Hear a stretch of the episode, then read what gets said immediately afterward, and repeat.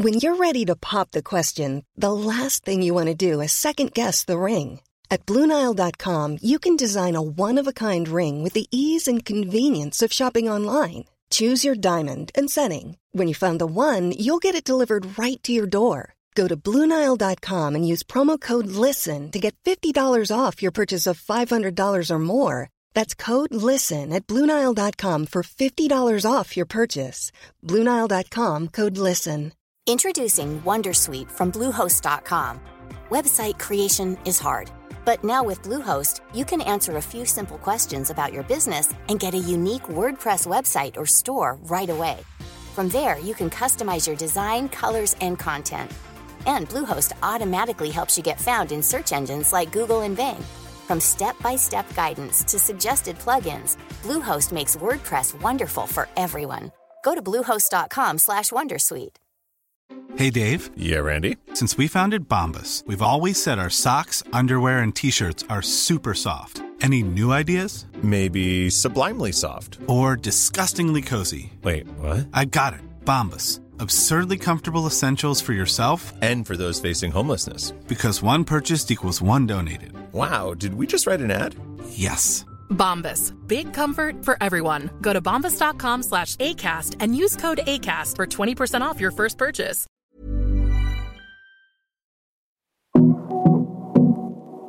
Hej och varmt välkommen till Karriärpodden och avsnitt 247 där jag träffar Gerda Masi Larsson, VD på Curitas Ventures och en av våra starkaste röster för jämställdhet inom riskkapitalindustrin och entreprenörskap.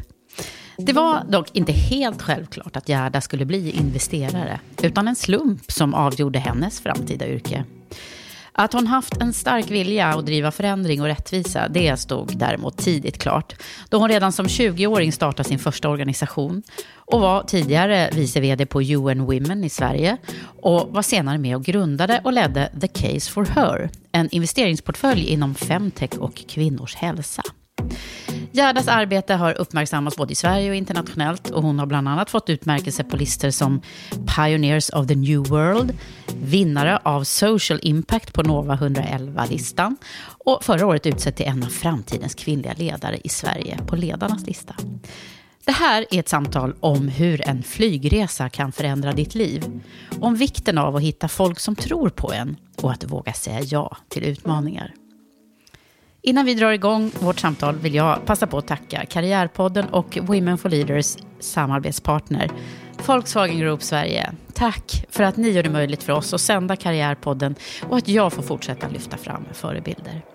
Här kommer nu avsnitt 247 med min gäst Gerda Masi Larsson. Jag heter Eva Ekedal.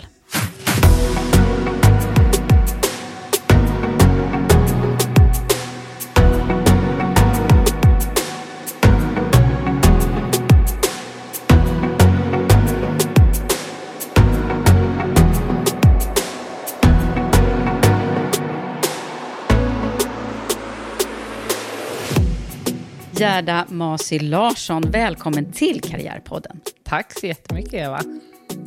Alltså jag är så glad för att jag läste just eh, mejlet som, eh, som jag fick av dig när jag hade skickat lite frågeområden som jag hade gjort till dig innan vi skulle mötas för inspelningen här. Och då skrev du så här till mig. Eh, vad glad jag blev när jag läste materialet nedan. Känns genuint och som att eh, du vill intervjua riktiga personer med stories, mer än bara hej, här är jag och min raketkarriär. och det tyckte Ja. jag var så härligt och befriande. Ja, men det var härligt och befriande att läsa materialet också, helt enkelt. Ja. Eh, nej, men eh, det känns ju ofta så att eh, folk är intresserade av bara, här är jag, så här bra gick det, här är alla pengar jag tjänat, men eh, det var inte riktigt så som karriär blir till. Nej, det är ju inte det. Och det ligger ju så mycket annat bakom. Och det brukar i och för sig eh, komma fram här också. Men, det, men ändå så är det ju så att det är ju många som kanske tror att det är mycket liksom mera raka spår eh, för de som har gjort väldigt intressanta resor. Och det har ju du gjort. Men det kanske inte har varit så rakt spår. Det har inte varit ett rakt spår, eh, men jag har alltid gjort saker som jag tycker är eh, jätteroliga. Allt jag har gjort har varit kul. Ja. Ja. Och det du gör nu. Ja, det jag gör nu är jätteroligt. Ja, och vi ska ju förstås prata om det, men, men jag tänker att du, du, du måste berätta om hur du hamnade där, för den, den, den råkar jag ju ha hört, den storyn, och den är ju den är så spännande och annorlunda. Ja. Ja, men i, För det är lite bananskal. Det är lite bananskal. Mm. Hårt arbete och bananskal ja. kan man väl säga. Ja, just ja. eh, Och eh, lite tur och eh, ska man väl också få ha i livet. Men, men ja, egentligen så börjar jag så här, eller i dagsläget, jag kanske ska berätta vad jag gör, så folk vet. Ja, ja det kan du göra. Ja. Det kan du göra. Vad är det du gör? Nej, men jag brukar säga så här, att jag är feministisk aktivist och riskkapitalist. Mm. Så jag driver i dagsläget en VC, mm. alltså ett venture capital kapitalbolag eh, som investerar i startups, eh, som heter Curitas Ventures. Eh, så det är det jag gör på heltid. Men eh, egentligen så började liksom storyn när jag var 22. Och då, alltså riskkapital, det hade jag aldrig hört talas om i mitt liv. Eh, back then så eh, trodde jag att jag skulle jobba med eh, eh utvecklingspolitik och liknande. Och eh, jag flyttade till eh, Georgien för att börja jobba på en georgisk kvinnorättsorganisation. Mm. Eh, och en gång så hade jag eh, varit hemma och så skulle jag åka tillbaka och mellanlanda i Prag på vägen. Så när jag sitter på flygplanet mellan Stockholm och Prag så sitter det en person bredvid mig eh, och eh, han börjar prata om eh, riskkapital eh, och private equity och det var ju saker jag aldrig hade hört talas om. Eh, mina föräldrar jobbade på universitetet när jag växte upp och sen har de jobbat för staten. Min syrra jobbar på kommun, min brorsa jobbar på kommunalt ägt bolag. Det är liksom eh, där... Du var ganska långt ifrån ganska private långt equity. Ja. Och, eh, och han beskrev det eh, liksom som, ja men du vet Richard Gere i Pretty Woman. och, och, alltså, när jag tänker på det efterhand så tycker jag att det var ju en konstig liknelse. Men i, vid det tillfället så var kanske det det närmaste jag någonsin hade varit riskkapital. Eh, var att man hade sett den filmen och då Va, lärt vadå, sig om... han, han beskrev det som att, eller du, vad tolkningen var? Nej, utan han sa det. Liksom, ja, men riskkapital, vad är det? Eh, private equity, vad är det? Ja, men du vet, Richard Gere Pretty Woman, det han, han, han, berättar mm. att han eh, köper bolag, eh, liksom, eh, förädlar dem på olika sätt och sen eh, säljer dem vidare och tjänar pengar däremellan. Mm. Ja. Eh, jaha, eh, tänkte jag. Eh, och vi fortsatte prata på. Jag tror att det finns två olika stories. Jag kan berätta min story. Där ja. liksom, den här mannen approcherade mig och började prata. Och, och vi hade ett, ett, ett, spännande samtal om demokrati i Sverige och liknande.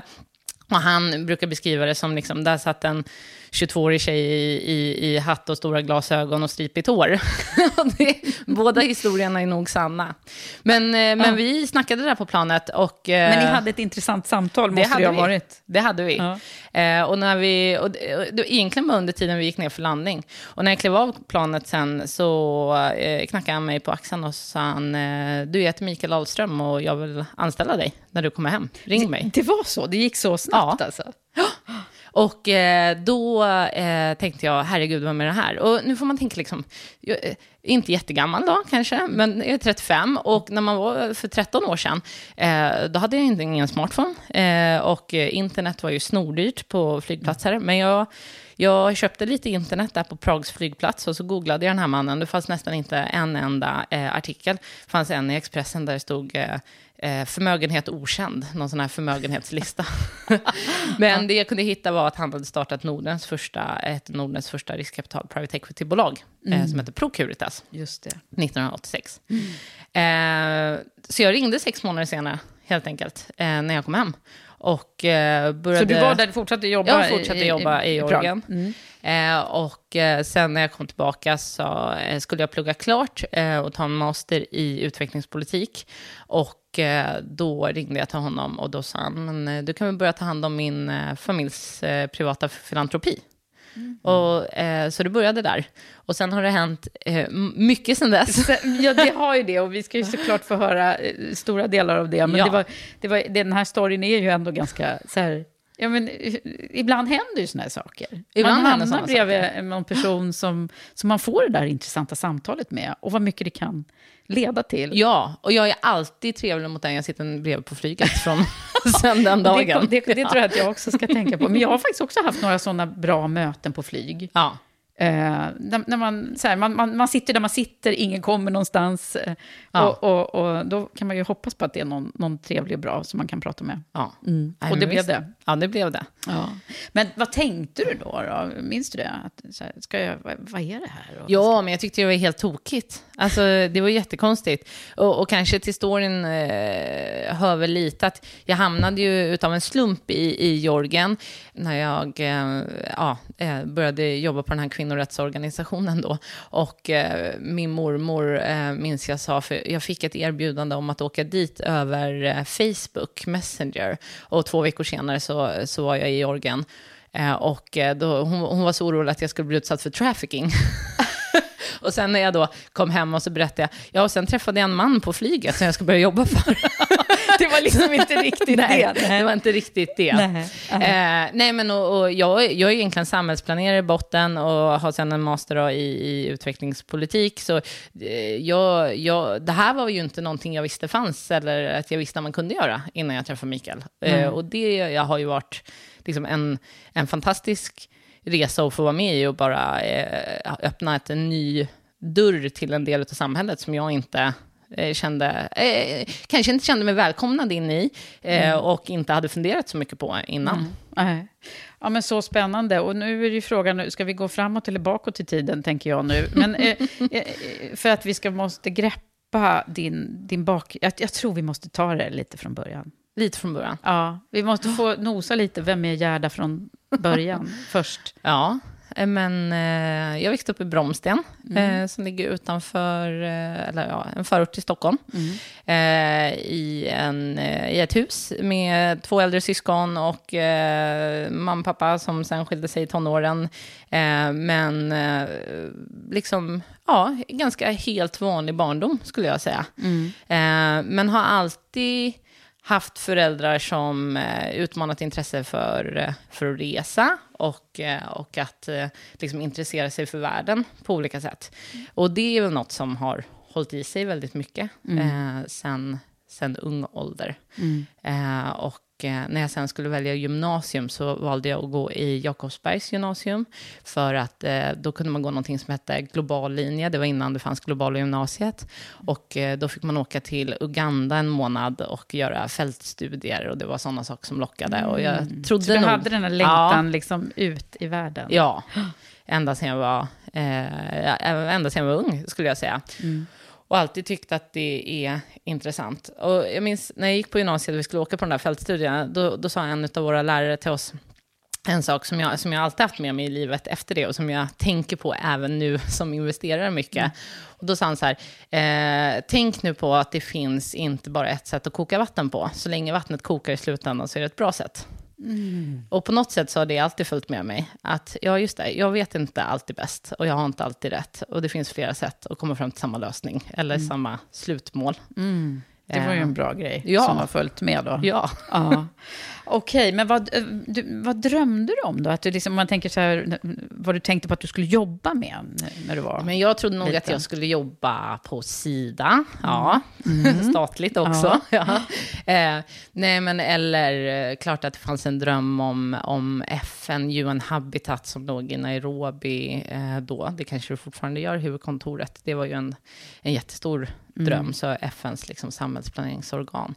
Ehm, och jag var ju där och Ja. snuddade lite. Du var ju det, ja. För att det, det, det, det figurerar ju massa spännande grejer i ditt CV. Det går ju liksom inte att täcka allting. Även fast du inte är lastgammal så är det många intressanta grejer. För, kan du highlighta? Jag menar, UN Women Sweden har du ju Ja. också varit och jobbat på. Ja, men precis. När jag var i Georgien då, så råkade jag vara lite rätt person på rätt plats och, och, och vart ansvarig för, eh, för, eh, för ett projekt som några UN Women då i Georgien gjorde tillsammans med en organisation som hette Active Art. Eh, och eh, där vi eh, egentligen samlade stories från kvinnor i, i georgiska flyktingläger. De har ju mycket så kallade IDPs, internally displaced persons. Så georgi, georgier som är flyktingar i Georgien på grund av krig eh, 92 och 2008. Eh, och då lärde jag liksom känna den organisationen, då UN Women, eh, Jorgen bättre. Och när jag kom tillbaka till eh, Sverige så hade jag ju eh, börjat plugga där på min master. Eh, jag jobbade ju då för Mikael extra och gjorde en heltidspraktik på UN Women Sweden. Eh, och efter praktiken så eh, vart jag direkt eh, tillfrågad om jag kunde eh, komma in och arbeta som Deputy Executive Director. Mm. Eh, och då var jag väl en 24-25. Eh, och eh, Drömjobb, tyckte att det var, man ju då. Ja, Mm. och det var det. Och det är en jättefin organisation och UN Women gör eh, väldigt mycket bra i världen, men det är också en eh, tung, eh, liksom roddad eh, organisation på många sätt. Eh, och eh, för mig var det svårt när, när det hände mycket i Sverige. Och man ville skriva en debattartikel och då skulle man ringa headquarters i New York och få ett sign-off på att man skulle få publicera någonting i en fråga. Och då var det nästan gammalt eh, Ah, när det kom tillbaka till en. Eh, Och jag kände att eh, det finns eh, fantastiska möjligheter att göra skillnad på ett sånt här jobb, men det är inte riktigt för mig. Nej. Det går lite för långsamt Det, precis, det ska vara lite snabbare puckar. Ja, ja. Mm, det där kan vi också enas om. ska säga. Men, men vad, vad hände då i de här, den här vevan? Var det då du kom in och började jobba med Mikael? Ja, men som sagt, jag hade ju börjat att ta hand om hans eh, privata eh, eh, filantropi. Men då under tiden som jag var där eh, och arbetade så var det så att Micke hade startat någonting som heter Charity Rating, som var en ideell organisation som arbetar med utvärdering av svensk ideell sektor. Och de skulle omorganisera lite. Och då sa han så här, "Men bara for the fun of it, kan inte du göra en affärsplan? Hur skulle du omorganisera om, om du hade liksom skött om det här? Eh, och eh, så eh, tittade jag på det eh, och skrev ihop liksom en affärsplan. Ja, men så här skulle jag göra. Och så presenterade jag den för Mikael och sa han, ja men gör det då. Kan du inte bli vd? och jag sa, nej men det tror jag inte. Jag vet inte vad en vd gör. Men ta jobbet så lär jag dig, sa han. Och då tog jag jobbet eh, och drev det i flera år. Ett av de första positiva, liksom, eh, kassaflödespositiva åren. Eh, det hade varit igång åtta år innan, eh, byggde upp ett nytt team, utvecklade verksamheten. Eh, och det var super, superkul. Så du fick liksom lära dig vd-jobbet kan man säga på det sättet? Ja, på, på gott och ont om man ska vara helt ärlig då. Ja. Jag vet inte i dagsläget eh, om jag är så bra anställd, för nu har jag liksom alltid fått vara i en ledande position. Eh, och det har jag tänkt mycket på med mitt egna ledarskap. När man aldrig, när, eller vid få tillfällen i mitt liv har jag haft liksom en chef, om man säger så. Eh, och eh, när man själv då blir chef, så, eh, så är det, mm, får man reflektera mycket över hur eh, hur, hur man själv vill vara. Och det är svårt då när man inte har saker där man kan Nej, du har inte kun, kan inte relatera Nej. riktigt till det. Nej, nej. Nej. det har du ju rätt i. Det, det, det, det har jag inte tänkt på, men det, så kan det ju bli. Ja. Men, men alltså då, jag blir ju väldigt nyfiken på Mikael också, för det låter ju som han har... Han, han måste ju ha på något sätt eh, sett... eh, Eller hur är han? Kan du, det kanske är bättre du beskriver. eh, Ja, nej men alltså, jag tror att anledningen till att vi pratar med varandra från första början, det är att han är väldigt genuint intresserad av människor. Det tror jag är en väldigt bra grej att vara om man är, jobbar med investeringar. Eh, som det i slutändan är människor som driver bolag och inte produkter eller annat. Utan, eh, och, och det var väl därför han började snacka med mig då. Eh, sen så, eh, alltså, tycker jag ju såklart att det är superkul att eh, han vågade satsa på mig. Eh, jag var ju inte klar, tror jag, ens en gång med min kandidat när han egentligen, eh, när jag satt där på planet vid första tillfället. Eh, och han tänkte att jag hade något speciellt eh, och att, eh, att vi skulle kunna funka bra tillsammans. Eh, vad tror du att det här har, liksom, vad har det betytt för dig i ett, eh, mer, i ett större Nej, men det har betytt jättemycket. Även eh, eh, när jag inte jobbat för Mikael i, i vissa tillfällen här då under min karriär så har ju han alltid varit min mentor och en stöttepelare. Eh, och eh, jag kan ju ringa till honom eh, eh, både som min nuvarande ordförande i, i eh, det riskkapitalbolaget som jag driver. Eh, men jag kan ju också ringa till honom och säga nu, nu behöver jag bara en kollega eller nu behöver jag bara en kompis och fråga en sak. Eh, och han fungerar som alla dem.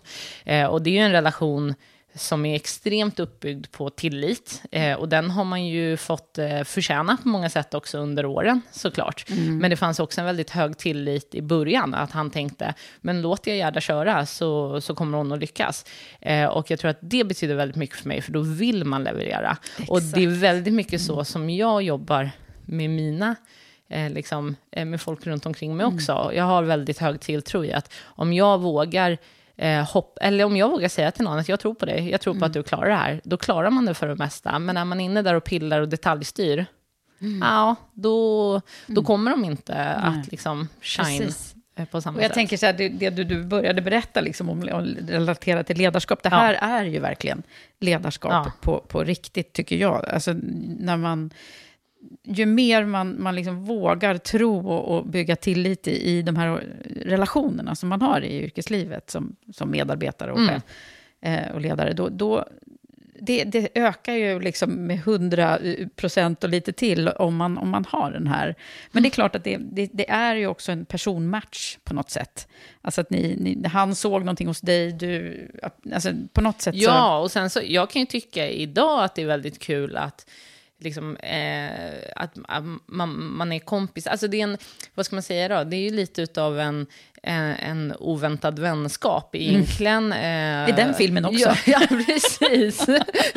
Nej, men, eh, att att eh, Micke är ju eh, i dagsläget då närmare 70 och, eh, och jag är ju då nästan mm. Eh, halvåldern och, och man känner ändå en, en, en väldigt stor trygghet i att våga, eh, våga fråga om hjälp fortfarande, eh, och, men också våga stå på sig och säga nej men här tycker jag att jag har rätt. alltså, mm. Mm. Jag vet att du har mer erfarenhet än mig, men jag har också ett annat synsätt och jag kan se det från ett annat perspektiv. Eh, och det är ju det han vill ha. Eh, och eh, när vi kom fram till att vi skulle starta och lansera då Curitas Ventures tillsammans. Där du är nu. Där jag är idag.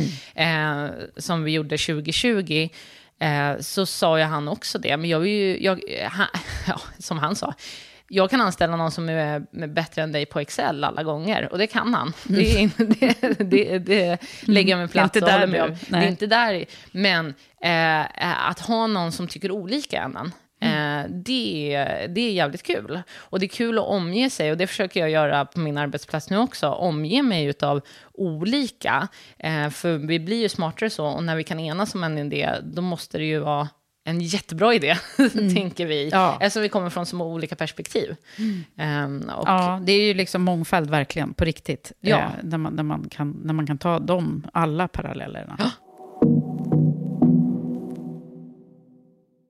det du gör nu, du gjorde liksom ett litet hopp däremellan då. Och ja. kastade dig ut. Ja, nej men, eh, jag nämnde ju charity rating där mm. och sen så eh, förvärvade Mikael ett gäng fastigheter. Jag klev in som CSR-ansvarig på det fastighetsbolaget. Men kände, även fast det var jättekul och superutvecklande och utmanande och allting, så kände jag efter några år att det fanns någonting liksom med det här som jag gjorde i Georgien och jag, eh, med liksom intresse för kvinnofred och säkerhet och liknande mm. som jag ändå ville tillbaka till. Och då hade jag ju eh, lärt känna eh, två andra personer, Kristina Ljungberg och Wendy Andersson. Eh, och Kristina Ljungbergs eh, familjestiftelse hade jag suttit i styrelsen för.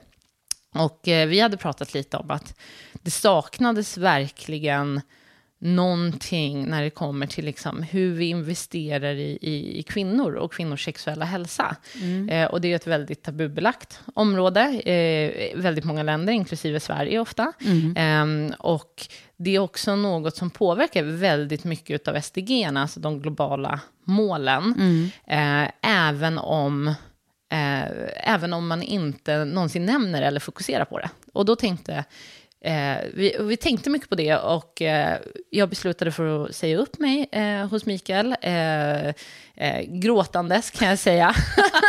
det var det?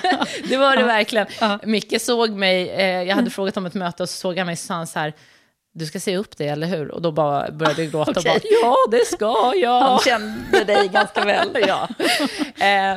Eh, men, men, men jag kände liksom att det här var någonting jag verkligen ville göra och det kändes som en ny spännande utmaning. Så tillsammans så grundade vi tre eh, The Case for Her, eh, som är en filantropisk investeringsportfölj i kvinnors eh, hälsa, sexuella hälsa. Så vi har tre, jag sitter kvar i styrelsen fortfarande idag, är en, väldigt engagerad, eh, men har, eh, var vd i fem år men har klivit av det eh, uppdraget nu då. Och the case for her. Ja. Och eh, The Case for Her investerar i eh, menstruationshälsa, eh, i kvinnlig sexuell njutning eh, och vi har också en portfölj i tillgången till säkra aborter. Men sen tycker vi att det är viktigt att fler kvinnor investerar i andra kvinnor, så vi eh, investerar även i investmentbolag som gör ungefär samma sak som oss. Aha, Ja. okej, så det är det också. Precis, och det har kommit lite på senare åren när vi har insett att vi kan inte hålla koll på allt som händer, helt enkelt. Eh, och då är det, det behövs fler som oss, och då måste vi stötta och möjliggöra att det finns fler som gör samma sak. Eh, och det, eh, det här är ju något av det mest spännande som jag Ja, gjort, men alltså, eh, helt klart. be- Berätta lite mer. Vad, vad, vad, vad är det för någon, någon typ av eh, bolag som ni investerar i då? Ja, men alltså det, det var väldigt, eh, väldigt blandat, men allting eh, hade utgångspunkten att få upp kvinnors sexuella hälsa på den globala hälsoagendan, helt enkelt. För det Men- den ju inte varit Det tidigare. hade den inte varit på det sättet. Och, och jag skulle säga att eh, jag tror genuint, eh, och jag eh, kan säga liksom med gott samvete att The Case for Her har bidragit till att till exempel menstruationsfrågan har kommit högre upp på väldigt många stora organisationers agenda. Eh, och det är för att vi vågade ta väldigt hög risk, väldigt tidiga skeden i bolag eller organisationer och gå in eh, och stötta dem tills att vi kunde bevisa att casen fungerade och då försöka attrahera annat kapital som kom in och tog över. Men några av investeringarna, till exempel, eh, vi är delägare i något som heter Afripads, eh, som är en av eh, eller Afrikas största producent av återanvändbara bindor, eh, som man då kan tvätta och återanvända, som distribueras till exempel av UNHCR i humanitarian settings och i flyktingläger. Eh, vi var delägare i aktivistiska eh, sexleksaksbolag i, i USA. Eh, vi jobbade med... Det är så brett alltså. Kvinnlig Ja. sexuell njutning i El Salvador, ett av de farligaste länderna i världen att vara kvinna i. Eh, och, eh, och, och liksom, så väldigt brett. snacka om att göra skillnad. Ja, ja det, det gör de fortfarande. Mm. Och eh, lyfter de här frågorna. Men också, eh, det här var, vi drog väl igång vid 2015 ungefär. Det var inte jättestort kring femtech då. Det är ju verkligen något som har växt på senaste Verkligen, åren. Men då letade vi ganska mycket efter bolag och vi hittade, var med tidigt i att investera i Clue som ett av Mm. de största femtechbolagen, ett tyst bolag till exempel. Eh, men, men det var inte alls uppe eh, på diskussion eh, på samma sätt som Mm. det är i dagsläget. Eh, vi kollade länge på att eh, liksom investera i klimakteriet och liknande frågor också. Sen enades vi om att det kan ingå i alla de här övriga. Eh, men det, det är fortfarande väldigt tabubelagda ämnen i Ja. många länder. Ja. Men det som jag tycker vi gjorde som är väldigt unikt på The Case for Her och som de fortfarande gör väldigt bra, det är att eh, vi arbetade väldigt mycket från, ja, men, om man ska prata i liksom affärstermer, konsumentens perspektiv. Så vi spenderade väldigt mycket tid och pengar på att göra efterforskningar innan vi investerade. Och det är ett annat sätt än så som vanliga investerare kanske jobbar. Så i till exempel Nepal eh, så spenderade vi nästan tre år med att forska och skriva forskningsartiklar om eh, situationen där för kvinnor under tiden de menstruerar och försöka hitta de bästa lösningarna och få ungdomar att iterera fram lösningar vi kunde investera i. Eh, och det var ju superspännande. Eh, och eh, just Nepal eh, vart det spännande, för när vi väl hade kommit dit eh, så presenterade vi för staten eh, Ja. vilka lösningar vi hade hittat eh, och vad ungdomarna ville se. Och det var inte samma lösningar som eh, staten där ville se. Nej, hur Eh, blev det då? Ja, det blev att de eh, bad oss att antingen göra deras idéer eller inte verka så mycket i landet längre. Aha, Så då fick okej. vi välja att stänga ner. Stänger- Tre års forskning Uh-oh. och Ja. kom ingen vart, Nej, kan man nej, säga. okej, så det Förutom är väldigt det- mycket kunskap genererat. Ja. Men det, var, det är liksom ett annat sätt att jobba och investera på. Och det, anledningen till att vi gjorde det, det är ju för att som vit svensk kvinna, eh, akademiker, föräldrar, eh, också eh, universitetsexamen. Herregud, jag kan ju inte sitta hemma på min kammare och säga eh, hur, vilka lösningar som passar någon annan i en annan världsdel. Nej. Så det var ju ett sätt att komma åt eh, liksom verkligen lösa, lösa problemet. Verkligen. Ehm. Men var kommer den här drivkraften ifrån, Gerda? Det är så häftigt. Nej, men eh, jag, eh, jag vet inte var den kommer Nej, ifrån. men just det här starka här, intresset ja. för liksom kvinnor och kvinnors rättigheter och hälsa och det här. Nej, men alltså, den stora eh, drivkraften är, väl- är väl alltid lite från en själv på något sätt. Jag vet ju och jag har ju sett hur jag och andra runt omkring mig har blivit annorlunda behandlade på grund av kön eh, eller etnicitet eller liknande eh, när, när man växte upp. Och d- ja, det, det måste ju komma säkert hemifrån, att man bara känner att det är fel. Och då, om man ser något som är fel, då vill man ju ändra på det. Det bor någon liten politisk aktivist i dig också. Eller så här. Ja, du, jag har faktiskt varit en sväng i politiken också, men det, det. kan vi hålla oss borta ifrån idag. Ja, ja.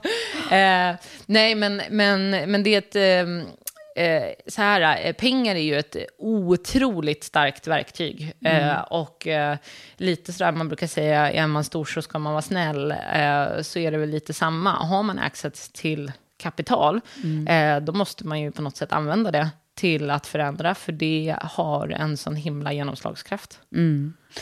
Och då tänker man ju så här, undrar hur många eh, investerare och eh, riskkapitalbolag tänker så. Men eh, det gör du i alla fall. Ja, Nej, men, och där kan jag säga, återigen, mycket av ens karriär bygger ju på människorna man träffar och människorna runt om mig. Och, och Wendy och Kristina, de vågade ju också lita på mig med deras kapital. Det var framförallt deras privata medel som vi investerade på The Case for Her. Eh, och eh, de vågade tillsätta mig som vd där eh, och eh, låta mig utveckla den organisationen tillsammans med dem. Eh, och det, det, det, det, det är en väldigt Alltså, det är en väldigt powerful thing när man som ung kvinna får den tilliten från någon. Eh, och eh, sen är det ju klart, eh, jag är ju en person som också, alla drivs ju utav något. Och jag kan ju säga så här, jag är en sucker för beröm. alltså, är det så? Ja. Om någon säger att jag är duktig, då kan jag jobba två timmar till. Alltså, eh, verkligen. Så, så det blir ju en... Eh, det blir lite själv... Eh, vad ska man säga? Men det Eh, blir liksom ett självspelande piano. Ja, om- precis. om- om- Ju mer tillit jag får, eh, ju bättre kanske det går och eh, då får man beröm och då jobbar man hårdare och så. Ja. Ja. Sen måste vi ju då naila, nu är du ju då eh, där du är nu. Och, Ja. och, och berätta lite om vad, du, vad ni gör. Ja, men eh, vad vi gör, eh, vi investerar i startups eh, och inom eh, det som oftast kallas eh, disruptive technology. Jag brukar förenkla och säga eh, teknik som på olika sätt förändrar hur vi rör oss i vardagen. Eh, och life science, så det är ju medicinteknik. Eh, och det är ju superspännande. Och jag gick ju från att investera i eh, nischat om man säger så. Då. Men om man säger så här, sexuell hälsa i världen är inte, inte ett jättestort eh, liksom, sektor. Eh, om man tänker nu helt plötsligt att man är i, sek- eh, i, i, liksom, i tech i Sverige. Och bara Stockholm, alltså tech-Stockholm är så himla, himla, himla stort. Eh, och det har varit en jättespännande resa tycker jag. Att helt plötsligt ska man vara expert på eh, liksom 25 olika grejer istället. Och kunna, eh, vi har investerat i världens största bowlingapp. Eh, Vi har en investering i nykterhetsmedicin. Eh, vi har liksom eh, olika plattformslösningar, eh, e-commerce-returer. Alltså, eh, och det är så brett, himla alltså. brett. Ja. Eh, Men det är ju också det som gör det så himla roligt. Eh, ena dagen får man djupdyka i ett bolag som har en ny teknik för att eh, lösa ett litet problem i en viss sektor och andra eh, dagen så är, kollar man på något som skulle kunna liksom, påverka allas vardag. Och den kombinationen Man blir väldigt så här, allmänbildad, eh, tänker jag. Om man eh, liksom dyker ganska djupt i alla Ja. de här. Men kan vi prata lite om investerarjobbet? Ja, För det är självklart. ju eh, inte alla som känner till hur det går till, inklusive jag själv, Ja. eh, som sitter på andra sidan nu. Men eh, vad, vad, vad är, det- hur går det till? För ni kommer ju in tidigt då. Mm. Hur tidigt kommer ni in? Ja, eh, tidigast vi har gått in är väl ungefär här i min powerpoint-presentation Ja. på min idé som jag tänker göra. Ja, Okej, det är så, Eh, ja. så tidigt har det varit. Mm. Upp till eh, att, eh, att det finns eh, bolag som, som snurrar Mm. eh, lite pengar. Eh, nej men, eh, för det mesta så går det ju till så att någon hör av sig till oss eller vi får nys om någon. Eh, man kollar på en powerpoint-presentation, man tycker att ja, det här kanske är lite intressant. Man börjar göra lite research, man läser på lite runt omkring och kanske tar ett intromöte. Eh, och sen är det ju, det finns ju väldigt mycket charmerande entreprenörer där ute, så det är ju ofta väldigt roliga Som möten har, man har. tränade på att pitcha som de är numera. Mm. Ja, det är de också. Eh, nej men, och, och, eh, och vi kollar egentligen på fyra saker. Jag brukar säga det att eh, jag, som inte kommer från finans från början, eh, och eh, Det är ju inte så vanligt. det är inte Kanske så... i din nej. roll, tänker jag. Eh, Många branschkollegor har ju gått Handels, Mm. eller KTH.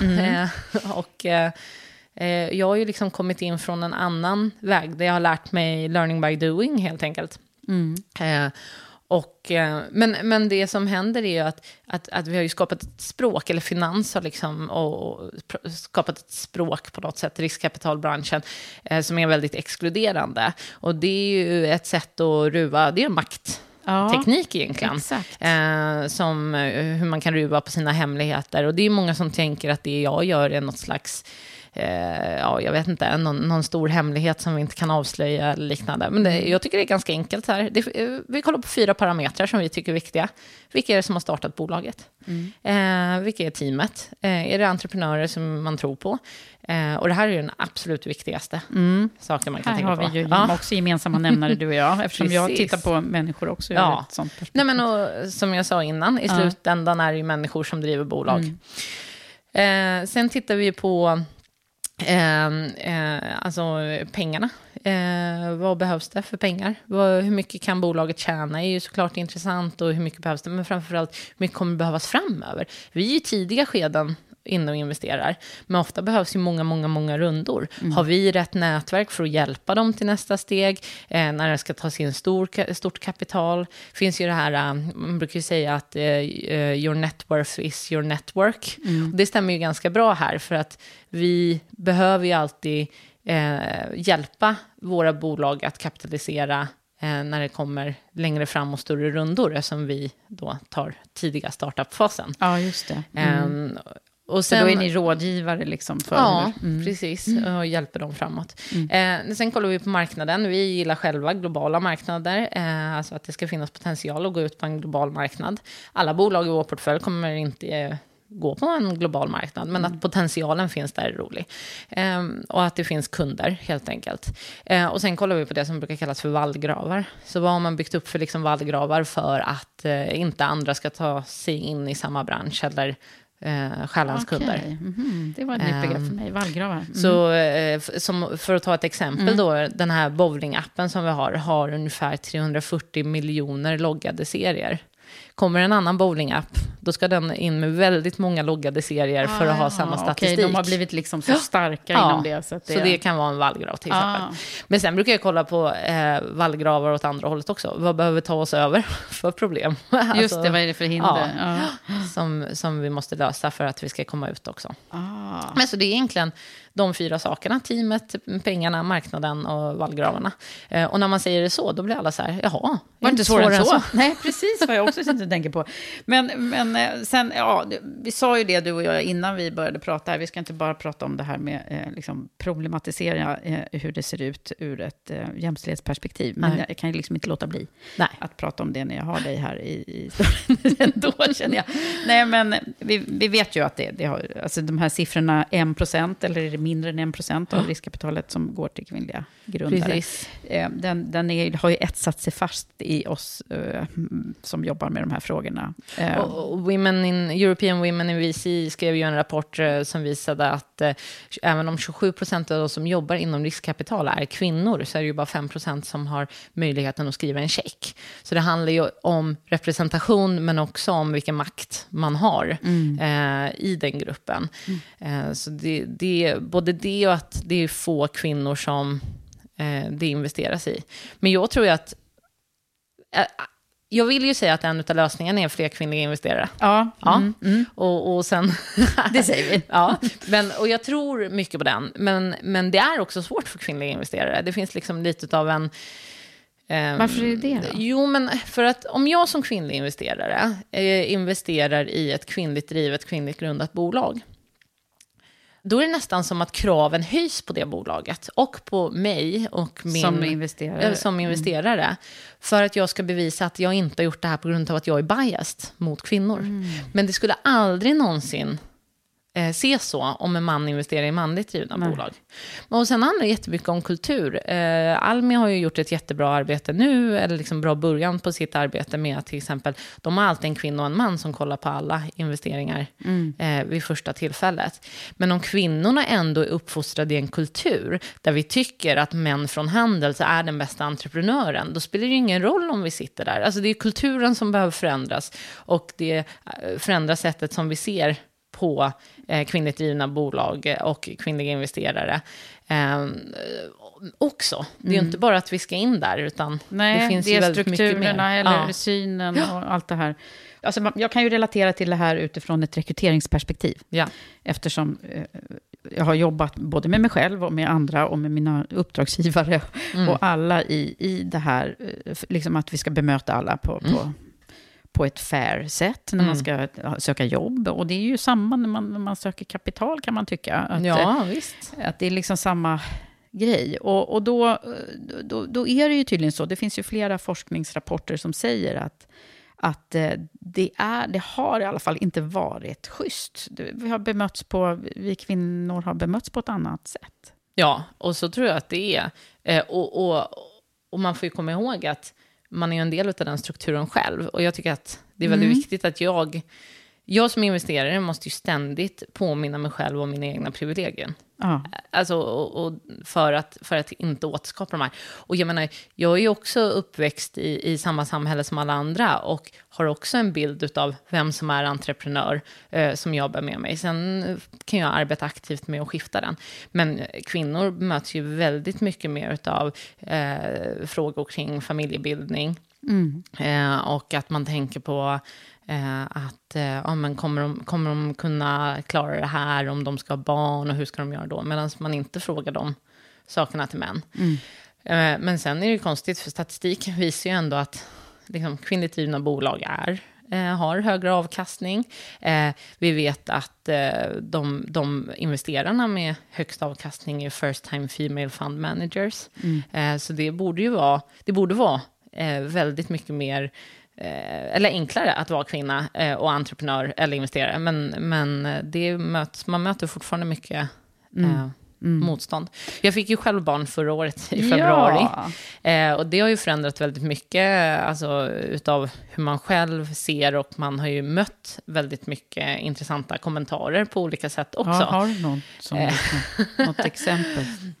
Nej, men eh, vår son han har ju fått haka med på allting. Eh, och eh, det, det möts ju både med glädje och eh, med lite eh, sura miner när man tar med sig en två veckors bebis på styrelsemöten och liknande. Men då gjorde jag så, jag frågade de männen som jag sitter i styrelser med. Eh, och så frågade dem om de hade varit föräldralediga. Men det var bara en eh, som svarade ja på den frågan. Och det tyder ju också på någonting. Tänk då att, tänk, tänk, tänk hur många anställda det finns i Sverige som sitter med en styrelse som inte har någon förståelse för man går, vad man går igenom. Alltså både som man och kvinna som föräldraledig. Så. Ja. Eh, bara att, eh, att, att de på de ledande positionerna aldrig har varit i den situationen. Då blir det jättesvårt att sätta sig in i. Jag känner att mitt emotionella ledarskap har växt Ja. eh, under det här året. Eh, och att jag, eh, även om jag tidigare försökt att relatera, så, så har jag en helt annan förståelse för nu. Eh, och jag vet att jag kan ha tänkt tankar som, "Ja, men herregud, en vabbar, den kan väl svara på ett mejl. Ja, nej, nu har jag haft en sjuk bebis i famnen och vet hur det känns. Och hjärnan eh, är inte alltid skitskarp då. Nej, och Eh, fokuset kanske inte ligger där heller. Nej, Nej. men eh, man kan fortfarande vara bäst på sitt jobb. Mm. Eh, men, men just eh, liksom, eh, i de sekunderna så kanske man inte Nej, levererar. precis. Ja. nej, men det där är, eh, och det är ju klart en generationsfråga. Någon gång kommer vi liksom, men det, Ja. det känns ju som den är så tröstlöst lång väg. Ja. Men jag tänker också på det här, just i, i, i investerarperspektivet, när man ska söka kapital och är, eh, hur mycket liksom det här pitchandet och självförtroendet och allt det där som ju, det är ju lite samma scenario också om vi tänker, om vi jämför nu med att söka, söka jobb, eh, som ju jag eh, har mött så många, hur, hur mycket man, den här gamla förlegade grejen som jag undrar hur länge jag ska behöva prata om, att liksom, ja, men kvinnor bröstar sig inte lika mycket och är mer försiktiga när de uttrycker sig vad de kan, medan män ju oftast har lättare för att förhäva sig. Alltså de här, det, det finns ju någon, jag brukar prata om det, att det är så här, ja, men är det en kravprofil så är det, räcker det för männen att ha 60% av det i, i bockat, liksom, medans... Och, och jag ifrågasätter ju, är det så här fortfarande? Nej, inte alltid, men det förekommer ju ofta fortfarande. Ja, det gör det verkligen. Och jag tror att det, det är väl liksom, eh, vad ska man säga då, eh, behöver kvinnor eh, tuffa till sig eller män tagga ner? Ja, men det kanske är någon slags mellanläge där. Ja, men jag brukar tänka så här att jag vill ju göra saker jag aldrig har gjort. Det är ju det som är roligt i livet. Jag vill inte sitta och göra samma sak om och om igen. Och jag ser Eh, det, eller jag, jag brukar jämföra med att, att plugga. Du söker inte in till en utbildning för att du redan kan det du ska lära dig. Du söker ju in till en utbildning för att du ska lära dig någonting nytt. Kan vi inte se på arbetsmarknaden så också? Jag vill ha ett jobb där jag kan utvecklas och lära mig nya grejer. Jag har sett lite, båda bygga The Case for Her, det var liksom en master i eh, feministisk eh, finansiell aktivism kombinerat med riskkapitalism. Nu tar jag någon slags master i, i, i, i att driva riskkapitalbolag. Eh, och det kanske är lite så, femårscyklar där man utvecklas. Och sen så eh, plockar man russinen ur kakan och, och tar med sig till nästa jobb och, och blir bättre. Och jag tror ju på det här cross-sektoriella också, hela tiden. verkligen. Att, att vi har... Eh, och, och det är när man rekryterar med. Är det någon som har haft exakt samma position på ett annat bolag som är bäst för jobbet? Eller är det någon som har gjort någonting helt annat som kan komma med nya tankar och idéer som är den bästa? Är den bästa entreprenören någon som redan har byggt bolag och skalat dem eh, och har den erfarenheten? Eller är det någon som kommer med helt färska ögon på vad som kan vara en marknad? Alltså, Potentialen. Ja, liksom. precis. Och det är ju ständigt det där. Eh, och jag gillar ju de som tänker att de kan testa något nytt. Det är ju eh, en, en, en drivkraft och visar ju på eh, en form av personlighet som man gillar som investerare. Eh, att någon vågar satsa och att man vågar satsa på sig själv. Ja, verkligen. Ja, och det, det gillar ju jag också när någon söker Ja. jobb. Så att vi, vi är helt överens, du och jag, i den här frågan. Men också så här, eh, och, och, eh, låt oss gå bortom det här med att eh, kvinnor och män, eh, för det går, det går inte att generalisera så såklart. Vi har ju olika förutsättningar. Mm. Om man, men jag blir ju väldigt nyfiken på ditt... Eh, ditt härliga självförtroende, som, och, och, eller vad det nu var som eh, Mikael Ahlström såg eh, på flyget där. Nej, men liksom, Ja. eh, det, det är ju den grejen som man önskar att vi alla, både att vi blir bemötta på det sättet som, Mm. som du blev, tidigt i livet. Mm. För det är ju någonting som också återkommer Ja. väldigt ofta här i Karriärpodden, att man har tidigt haft någon som har trott på en Mm. och liksom pushat fram en och sådär. Eh, men eh, är det inte väldigt intressant, vad, vad är, varför har du så bra självförtroende då? Ja, men, eh, jag vet inte om jag har det när jag står där hemma framför spegeln alltid och funderar på, på vad man gör och om man eh, gör rätt. Men, men jag tror så här, eh, jag, jag, jag är normalbegåvad alla gånger. Eh, jag är nog inte supersmart på något, eh, men, eh, men jag kan lära mig grejer. Jag tror, jag tror inte det finns någonting jag inte kan lära mig. Eh, och eh, det tycker jag jag har bevisat om och om igen. Alltså, jobb i fastighetsbolag, det var skitkul. Eh, jobbade i BH-butik när jag var yngre, då var det skitkul. Eh, jobbade, nej men, driva riskkapitalbolag, ja men det är jättekul, för man lär sig och man kan göra allt. Och det är inte, alltså kunskap, om man har de, de förutsättningarna jag har, är så himla accessible. Och är det något jag inte kan, då ringer jag någon. Och jag, jag tyckte det var så skrämmande, när häromdagen på nyheterna så var det om att varannan ungdom är rädd för att prata i telefon. Och då tänkte jag så här, men herregud, så fort jag inte kan något, då tänker jag så här, jaha, undrar vem som kan det utav alla mina vänner på LinkedIn då? liksom. Och så ringer man den personen, hej, får jag bjuda dig på en fika? Och så kan du berätta lite om det här för mig. Eh, eller kan vi ta en lunch och göra det där? Eh, och, och det är ju väldigt sällan någon säger nej på att dela med sig av sin kunskap. Eh, och, eh, så, jag, så jag tror liksom all, allt är möjligt. Eh, Det är en härlig inställning. Och jag tror väldigt mycket på det där att man, alltså, är man nyfiken så kommer man ganska långt. Men också att Ja. vara nyfiken på, på sig själv är det ju där. Att man Ja. säger, ja, nej, men det här har jag aldrig gjort förut. Det är lite Pippi Långstrump över det. Men, men liksom att man, eh, att man ser det som en lärresa. Ja. ja, men visst. Och att man eh, vågar vara i det. På The Case for Her eh, så kallade vi allt det vi gjorde för en learning journey. Vi var på en ständig learning journey. Eh, och det var, det var det vi gjorde. Vi samlade in data, vi lärde oss, vi blev smartare. Och jag tror att om man har den inställningen till både jobbet och, och livet, alltså, då kommer man hela tiden att utvecklas. Men om man någon gång börjar tro att man är fullärd eller tror att man kan allt, eh, det är då det börjar bli farligt. Exakt, det, det, det där är så sant.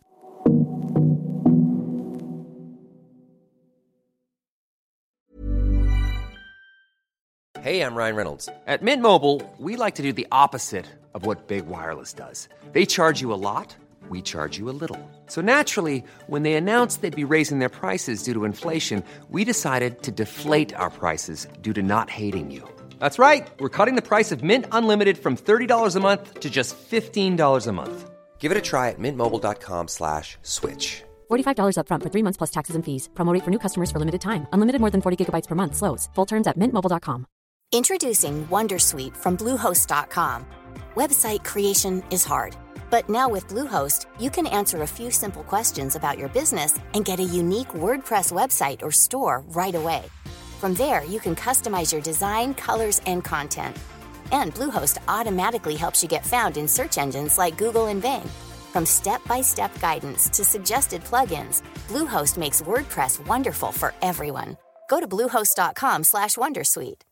Life is made up of many gorgeous moments. Cherish them all, big and small, with Blue Nile. Whether it's for yourself or a loved one, Blue Nile's unrivaled selection of expertly crafted fine jewelry and statement pieces help make all your moments sparkle. Blue Nile's experts are on hand to guide you, and their diamond guarantee ensures you get the highest quality at the best price. Celebrate a life well lived in the most radiant way and save up to 30% at BlueNile.com. That's BlueNile.com. Hey, Dave. Yeah, Randy. Since we founded Bombus, we've always said our socks, underwear, and t shirts are super soft. Any new ideas? Maybe sublimely soft. Or disgustingly cozy? Wait, what? I got it. Bombus. Absurdly comfortable essentials for yourself And for those facing homelessness. because one purchased equals one donated. Wow, did we just write an ad? Yes. Bombas. Big comfort for everyone. Go to bombas.com slash ACAST and use code ACAST for 20% off your first purchase. Spring, is that you? Warmer temps mean new Allbirds styles. Meet the Superlight Collection, the lightest ever shoes from Allbirds, now in fresh colors. They've designed must have travel styles for when you need to jet. The lighter than air feel and barely there fit make these shoes some of the most packable styles ever. That means more comfort and less baggage. Take the Superlight Tree Runner on your next adventure. Its cushy, lightweight foam midsole supports every step, and the extra outsole traction gives you the grip to just go for it. The eucalyptus fiber upper adds next level breathability to keep you going all day. Plus, the Superlight Tree Runner is comfortable and ready to go right out of the box. So, what can you do in a superlight shoe? What can't you do is the better question.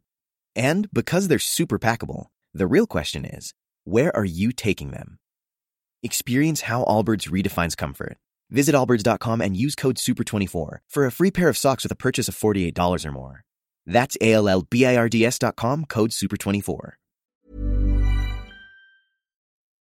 Men om vi nu skulle eh, gå lite tillbaka här i, i, eh, i tiden, för att jag är ändå väldigt nyfiken på dig eh, som person och hur du ser på mm, din egen, liksom, för det, det är så här, när man, när man sitter här i Karriärpodden så får man ju reflektera lite över hur det har blivit som det har blivit. Ja. Ja, Men ja hi- hur har hitt- det blivit Ja, har precis. vad hittar du för, för liksom, du vet att jag brukar prata om toppar och dalar och viktiga nycklar, liksom, Mm. vägskäl. Mm. Ja, men det är klart, alltså, de här personerna som har trott på en eh, är, ju, är ju såklart en stor del. Alltså, ha, ha, att få eh, ha bra mentorer i livet, alla sådana delar. Eh, men sen så tror jag att det också är bara, jag är en ja-sägare. Jag har alltid tackat ja, för jag vet att jag sen kan säga nej. Men man kan aldrig säga nej eller ja, det är mycket mer sällan som man säger nej och sen kan man ändra sig till ett ja.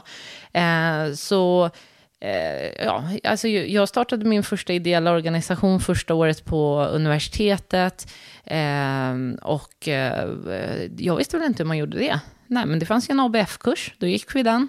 Ja, så här skriver man stadgar. Ja, då skriver vi stadgar. Eh, så här gör man en årsredovisning. Ja, okej, då får jag väl göra det.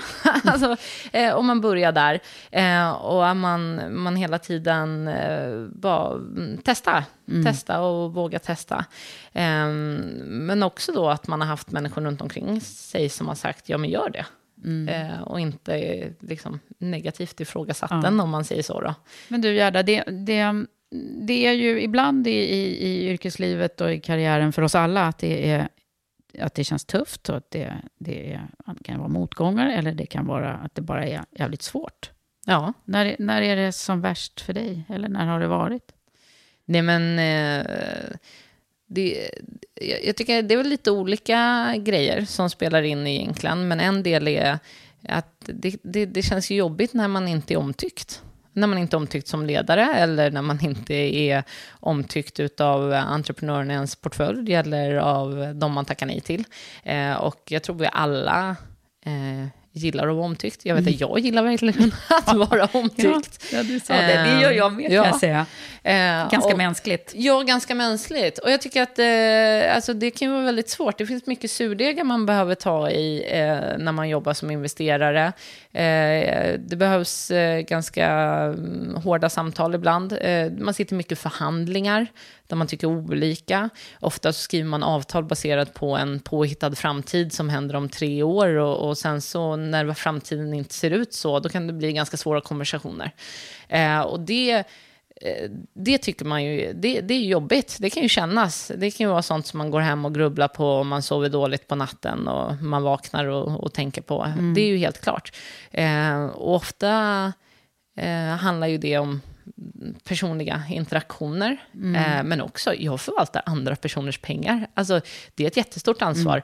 Sjabblar jag till det, eh, då, då kan andra förlora ganska rejäla summor Ja, det är väldigt mycket ansvar. Ja, och det, det är ju också betungande såklart. Man är inte astuff när man eh, sitter där och, och, och investeringarna inte alltid går vägen. Samtidigt så är jag i en sektor där man säger så här, en av tio ska gå bra.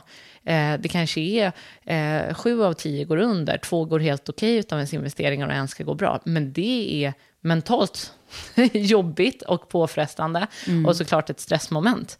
Eh, och sen som investerare så kan man eh, hjälpa bolagen väldigt mycket, men eh, det är ändå upp till bolagen i slutändan. Eh, och det är också en balans eh, som är eh, svår på många sätt. Ja. Men sen är det ju så att jag är både ja, eh, relativt ung nu då, men har varit yngre. och eh, kvinna. Eh, och, ja, det är man eh, lite nyfiken på. Hur har du blivit bemött? Ja, och det har ju varit väldigt olika skulle jag säga i olika situationer och beroende på vart man har varit i livet. Alltså jag minns när jag drev det här Charity Rating då, man var konsult. Då, då var jag ju, ja, 25-26. Då brukade jag skämta på olika sätt så att det kanske lät lite som att jag hade barn. Så att jag skulle liksom verka lite Verka äldre. lite äldre. Jag hade alltid på mig glasögon i alla möten, använde aldrig mina linser. Eh, och många sådana saker för att liksom eh, bara försöka införliva. För, för det var Få svårt. lite mer pondus, helt få enkelt. Mer pondus. Och det, folk ville inte riktigt, ja men vad kan hon hjälpa mig med? Eh, Mm. Eh, och det, det försöker jag ha med mig nu, att just det, unga kan också. alltså, För man har själv varit i den situationen och man får komma ihåg det. Eh, men, men också i styrelserummet, helt klart. Eh, där det påpekas eh, ålder eller eh, ja, eh, kommenteras på utseende. Och man möter mm, sexism på olika sätt. Eh, Allt ifrån eh, opassande sms eh, eller eh, opassande kommentarer till eh, liksom de små subtila Eh, jaha, sitter du i styrelsen för det? Men du är ju en gammal med min yngsta dotter. Ja, alltså, vad, vad försöker du säga här? Ehm, eh, Hur, ja. hur, har- hur har du tagit just en typ en sån kommentar? Nej, men eh, jag behöver ofta hantera det med att prata väldigt mycket om det, alltså vara verbal. Dels så försöker jag prata med mycket kvinnor som jobbar i samma sektor, eh, så att vi kan ha ett utbyte av vad vi möter. Och sen har jag några fantastiska kvinnor i min närhet som är äldre och har jobbat med investeringar längre, som är sådär, när du hör en sån kommentar, ring mig så tar vi en walk and talk och så kan du bara klaga. Och så, så liksom får vi Få ur oss det. Ja, det. Men, men, men sen är det såklart, ibland sker det ganska gråa övertramp också. Eh, och då är jag jätteglad över att jag i dagsläget har en ordförande då, eh, som, som alltid står bakom mig. Jag tror ju att eh, många kvinnor eh, idag tyvärr, när de mm, flaggar om sånt här uppåt, möts av ja men det är så det är, eller han menar inget illa, eller eh, många sådana kommentarer. Och jag har istället en ordförande som säger så här, vad bra att du sa till, då skiter vi i den personen. Vi behöver inte samarbeta med dem längre. Ja. Och det är bra. ett superstöd. Och när man har det stödet, eh, då är det upp till mig sen att välja om jag fortsätter samarbeta ändå. Eh, eller om, om, om vi kanske släpper eh, någonting, eller liksom inte längre samarbetar med eh, investerare till exempel. Eh, men utan att jag hade det i ryggen, då skulle jag nog inte våga stå på mig på samma sätt. Eh, och det försöker jag säga till manliga kollegor i branschen. Det handlar inte bara om att ni ska anställa en tjej, eller liksom, det handlar om att möjliggöra, det handlar om att lyssna, det handlar om att ta alla sådana här saker på allvar. Och så här enkelt är det. Säger någon att den har upplevt någonting, då har den det. Då det är det ingenting att det. ifrågasätta. Nej, och det känner jag på min egen arbetsplats. Det är ingen som säger, ja, men menade de verkligen så? Eller? Utan det bara sådär, upplevde du att det där var ett övertramp, då var det det. Då Punkt var slut. det det, ja. ja. men Ja. precis. Men där har vi ju mycket liksom att bara ta tag i sakerna när, när Ja. det händer. Ja. Och det tycker jag, jag menar, det har väl metoo och liksom allt det som, Ja. som vi ändå pratar om på ett helt annat sätt idag hjälpt oss. I, men vi har ju, vi har ju lång väg. Bara, för några veckor sedan var det ju, var det ju mycket diskussioner igen här i, i sociala medier om ja, Nenny Strömstedt och det, alltså det, det tar ju aldrig slut. Nej, men och det gör inte det. Och, och det är ju ingenting som kommer ske. Många sätter ju väldigt hög tilltro i generationsskiftet. och att det ska leda till, eh, till så mycket gott. Men, men det är ju ett aktivt arbete alla behöver göra eh, hela tiden. Men jag tror också, alltså metoo har ju ändå förändrat väldigt mycket i att folk lyssnar på kvinnor på ett helt annat sätt. Eh, och sen är det fortfarande såklart en jättelång väg kvar. Eh, men men det, var, det var märkbart tyckte jag när man gick från då the case for som liksom kvinnliga investerare investerar i kvinnligt drivna bolag, investerar i eh, kvinnliga konsumentprodukter.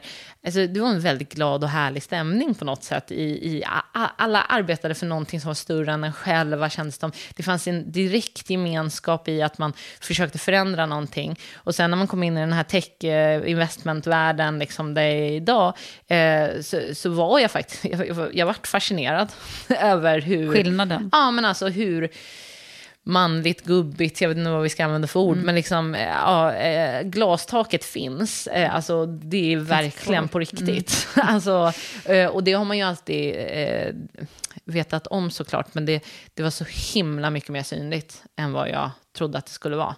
Ehm, och det, det är ju intressant, och det är ju något man försöker... Jag, sku, jag vill vara med och förändra. Som du är, med tanke på att du, du är den du är och jobbar med det du gör. Ja, men... men och ju det, mer vi pratar om det, desto bättre är det. Och, och att vi stöttar varandra och, och, och det. Och Både män och kvinnor. Och sen tänker jag också på att vi, alltså, man måste vara uppmärksam själv.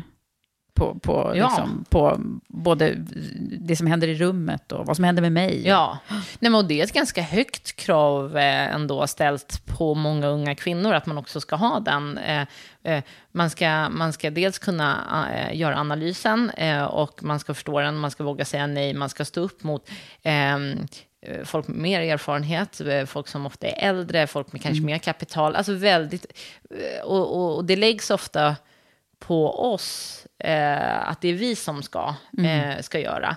Eh, men, men det är ju så att liksom, eh, ja, men om man tar maktperspektivet så brukar jag säga det, men det finns ju liksom bara 100% makt. Om någon nu har 100%, då kan ju inte jag komma och så tar jag, tar jag lite till, eller skapa lite mer, utan den måste ju också dela med sig. Eh, och det finns ju mm, liksom någonting där, där vi måste skapa, eh, det är inte bara kvinnor som ska ta för sig mer, utan det är Nej. ju många som behöver backa. Precis, så är det. Bra där. Du, om vi pratar ledarskap nu, så har ju jag också en, en eh, samarbetspartner som heter eh, Volkswagen Group Sverige. Och de är ju väldigt intresserade av just hållbart ledarskap, vilket jag är väldigt glad för att de är. Eh, Men det är också en, en term som ju kan, är ganska bred och vid.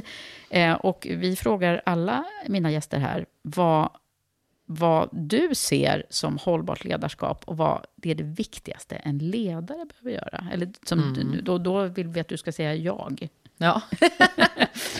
Alltså det är ju så kul, för jag är ju en trogen eh, poddlyssnare. så jag har ju hört massa andra svara så himla intelligent på den här frågan. Ska så vi höra jag, jag visste ju att den skulle komma. Ja. Nej, men då funderade jag lite på det faktiskt, eh, när jag var på väg hit. Och eh, så tänkte jag på att det finns många aspekter av hållbart ledarskap. Man ska vara en hållbar ledare, eh, tänkte jag också på då. Att eh, hur, hur man själv mår och ens mående. Man tänker ju alltid, eller jag liksom, tänker nu när man har barn också att ja, men, eh, glad, glad mamma, glatt, glatt barn. liksom lite. Ja. Men att det kanske är lite så också när det kommer till ledarskap. Eh, att att man, man ska ta hand om, om sig själv för att kunna liksom, eh, erbjuda bra stöd till andra. Till andra, ja. Mm. Eh, men jag tror ju också att eh, liksom det här med hållbarhet eh, handlar om inkludering och mångfald. Våga utmana sig själv, inte vara rädd för olika. Eh, det, finns, det finns många delar där som jag tror är spännande. Eh, och jag menar, vi försöker ju utmana oss så, ah, okej, men om vi nu säger att vi vill ha mer mångfald när det kommer till entreprenörer, ja då kanske vi måste göra någonting åt det. Så vi är ju stiftelser kopplade till oss på jobbet på olika sätt, där vi finansierar entreprenörskapsprogram för unga. För jag menar, vill jag ha mångfald på mitt jobb och säga att jag vill kunna anställa det, eh, ja men då får jag ju också se till att det genereras kandidater på något sätt. Eh, och jag tror att eh, ja, men det, det, det är något eh, som kommer... Mångfaldsperspektivet kommer verkligen in här i ditt hållbarhets... Ja, Såklart, det gör det ju i mångas. Men, det men, gör det i eh, många. mm. Nej, men, eh, men jag tror det. Att, eh, och sen så tror jag på att hållba, hållbart ledarskap är också lite det som vi pratade om innan. Att, att, låta, dem, att låta andra vara fria eh, och tolka uppgiften. Att det inte bara är det sättet som jag tycker en rapport ska skrivas på som är rätt, helt enkelt. Utan att man låter någon annan, och att dens väg eh, är, är lika viktig, att man tänker på det hela tiden. Ja, ja, spännande. Och jag tänker också på det du sa om, om ledarskap, att du själv liksom inte hade eh, haft den här vanliga klassiska eh, eh, medarbetare, chefskapserfarenheten. Men vad, vad, vad, vad tar du med dig in i, liksom, för jag tänker, du ska ju vara ledare nu länge här. Eh, vad, vad är det för någonting som du jobbar på då, utifrån dig själv som ledare? Nej, men jag jobbar hela tiden på att inte utgå ifrån mig själv. Alltså, Det skulle jag verkligen säga. Eh, så som jag eh, har mått bra av att bli ledd, inte så som alla mår bra av att ledas. Eh, att eh, alla man arbetar med på olika sätt är individer. Och vi är ju inget team på Curitas Ventures. Det är inte så att jag har massa medarbetare eller Nej. anställda. Men däremot sitter jag ju som styrelseordförande i flera bolag och jag sitter i styrelsen för flera olika bolag. Med, med en blandning mellan två till 700 anställda. Liksom.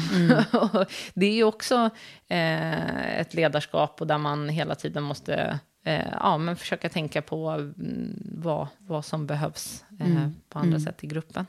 Ehm, men jag brukar också tänka att så här, ehm, eh, vad ska man säga då? Men om, eh, precis, jag har ju aldrig riktigt haft en chef. Eh, och så brukar jag säga så här, mina, mina chefer har alltid varit dåliga chefer. Om man tänker på, för när jag tänker på chef, då tänker jag på att de vet ingenting om och en standardpension och hur, liksom 40 timmars arbetsvecka eller någonting Mm. sånt. Men däremot så har de varit bra ledare för mig. Alltså så, de väldigt mycket fria tyglar, ansvar, men och att man hellre gör och ber om ursäkt efter och att det liksom, och, och sånt som, som har gjort att jag har kunnat utvecklas. Ehm, och, och det är väl, ja men, man pratar ju ofta om skillnad på, såklart på chefskap och ledarskap, och alla kan ju vara en ledare även om man inte är chef. Men, men jag tycker att det, är- det, det är väl något jag ändå har kunnat eh, lära mig mycket av. Ja. Eh, men sen är det ju andra som inte vill ha det. Mm, Som vill ha precis. en att göra-lista. Ja, men... eh, Och det kan vara svårt ibland. men eh, det får man ju lära sig att hantera. Ja, ja. Alla, alla är olika, det kan vi konstatera Ja. verkligen. Men Gerda, vad, Mm. jag brukar ju utsätta mina gäster för att eh, de ska få liksom, gå tillbaka lite i tiden och försätta sig typ att man är 20 år igen. Podden Mm. den här gången. Men vi hörs Och att man är snart väldigt mycket nyare i arbetslivet. Vad, Mm. vad, vad hade du behövt höra då, som du vet nu? Mm. Ja, men eh, jag tror jag hade behövt, eh, behövt höra att, man, att, att andra tror att man klarar det. Jag tror att man kommer långt på det. Eh, och att... Eh, Och det fick du ju höra ja. också väldigt tidigt. Ja, men... Kanske inte eh, när du var 20, utan när du var nej. 22. Men precis, men, men också kanske att, att, att eh, eh, ja, men, eh, våga, våga vara på ställen som gör en lite obekväm. Jag har alltid tänkt på det att, eh, så här i efterhand. Eh, så jag har tänkt på ja, men till exempel Handels. Jag trodde inte det var för sådana för mig, som mig. Alltså, I dagsläget kan jag tänka så här, nej, det kanske hade varit jättekul. Men varför kände jag mig aldrig inkluderad eller välkommen på de ställena? Och det är ju säkert lite av en klassfråga på många sätt. Eller var man kommer ifrån. Eh, alltså, eh, mina, eh, liksom, jag inte kände folk som hade gått där. Det fanns inte runt omkring mig. Eh, och så brukar jag tänka så här, man kanske skulle, någon som sa så här, men ta för dig lite mer, kanske. Eh, och och känn, känn inte att du inte är välkommen på olika ställen, för att eh, det kommer nog, det kommer nog funka. Eh, och jag brukar lite skämtsamt säga så här, det finns ju lite sanning i det, att innan jag började jobba med de människorna jag jobbar med idag, så trodde jag ju att alla rika människor var elaka. Eh, för hur skulle man annars ha blivit rik om man inte hade utnyttjat någon? Eh, och, och, och bara att, att utmana liksom, den typen av tankar har ju, har ju gjort att, att mitt nätverk och liksom, jag själv har växt jättemycket. Ehm, men, men eh, Ja, för du är ju på en resa, liksom, om man tänker på det, det du sa att du så här, ja, men du skulle börja jobba på Sida eller Ja. liksom något sånt. Och sen är du du, det är ju en kombo kan man säga, som du är på en, en kombinerad resa Ja. nu. Fast då med, med kapitalet med i Ja. bilden här. Nej, men ja, och, och liksom eh, att Östermalm är en plats som man rör sig obehindrad på. Och innan, när jag var 20, då kanske jag hade varit på Östermalm, jag vet inte, två, tre gånger. Eh, Min syrra tog ut mig på min 18-årsdag, kanske ett par gånger till, på någonting annat. och det var liksom en okänd plats. Och, men, och det, sen så vet jag, eh, och det får man ju ha med sig, apropå det här som jag sagt innan, med liksom introspektion på olika sätt. Jag vet att det också är för att eh, jag har en massa privilegium, så jag kan säga att, att, det finns, att jag skulle bli välkomnad på massa olika ställen. Och alla blir ju inte det på samma sätt. Eh, men jag tror att jag kanske hade behövt eh, ja, men, eh, kunna, kunnat vara lite, våga, våga lite tidigare. Men nu eh, behövs inte det längre, för nu är du redan eh, all over the place. Nu är jag all over the place. Ja. Ja. ja, men vad härligt. Eh, Men om du nu också skulle få skicka vidare, liksom, du har ju redan sagt massa bra saker, men jag tänker att vi summerar lite här.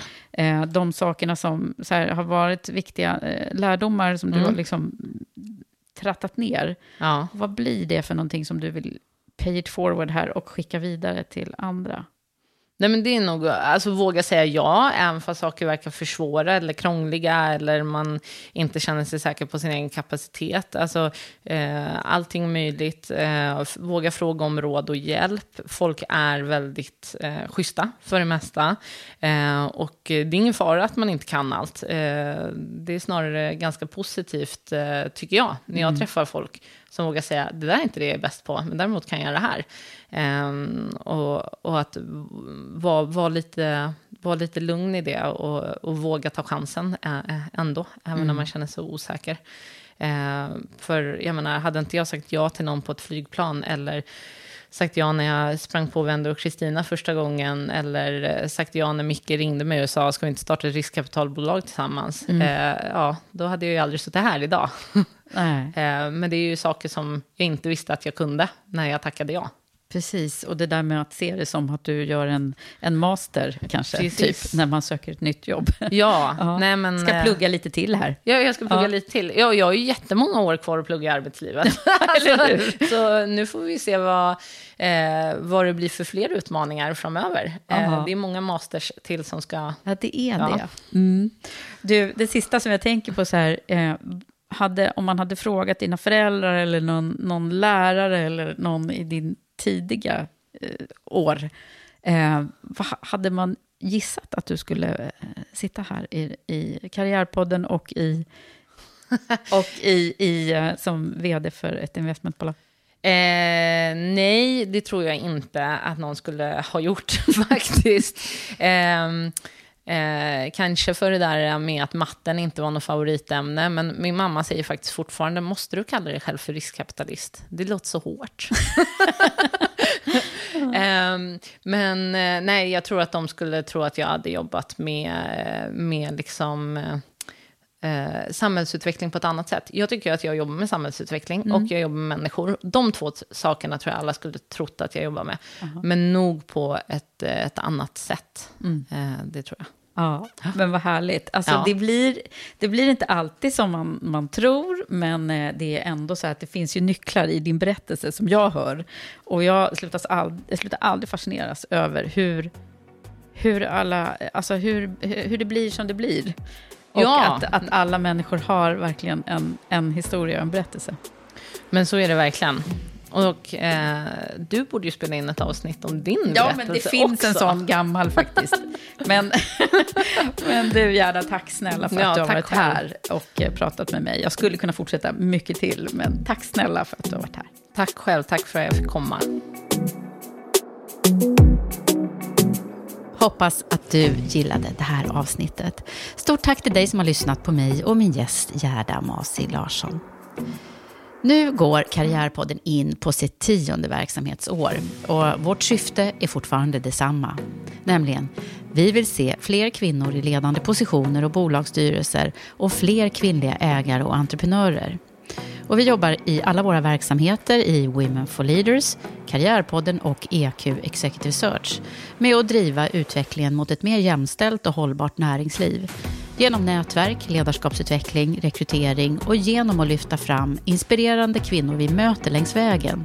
Och genom att lyfta de ämnen som möjliggör ett jämställt arbetsliv och ett modernt ledarskap.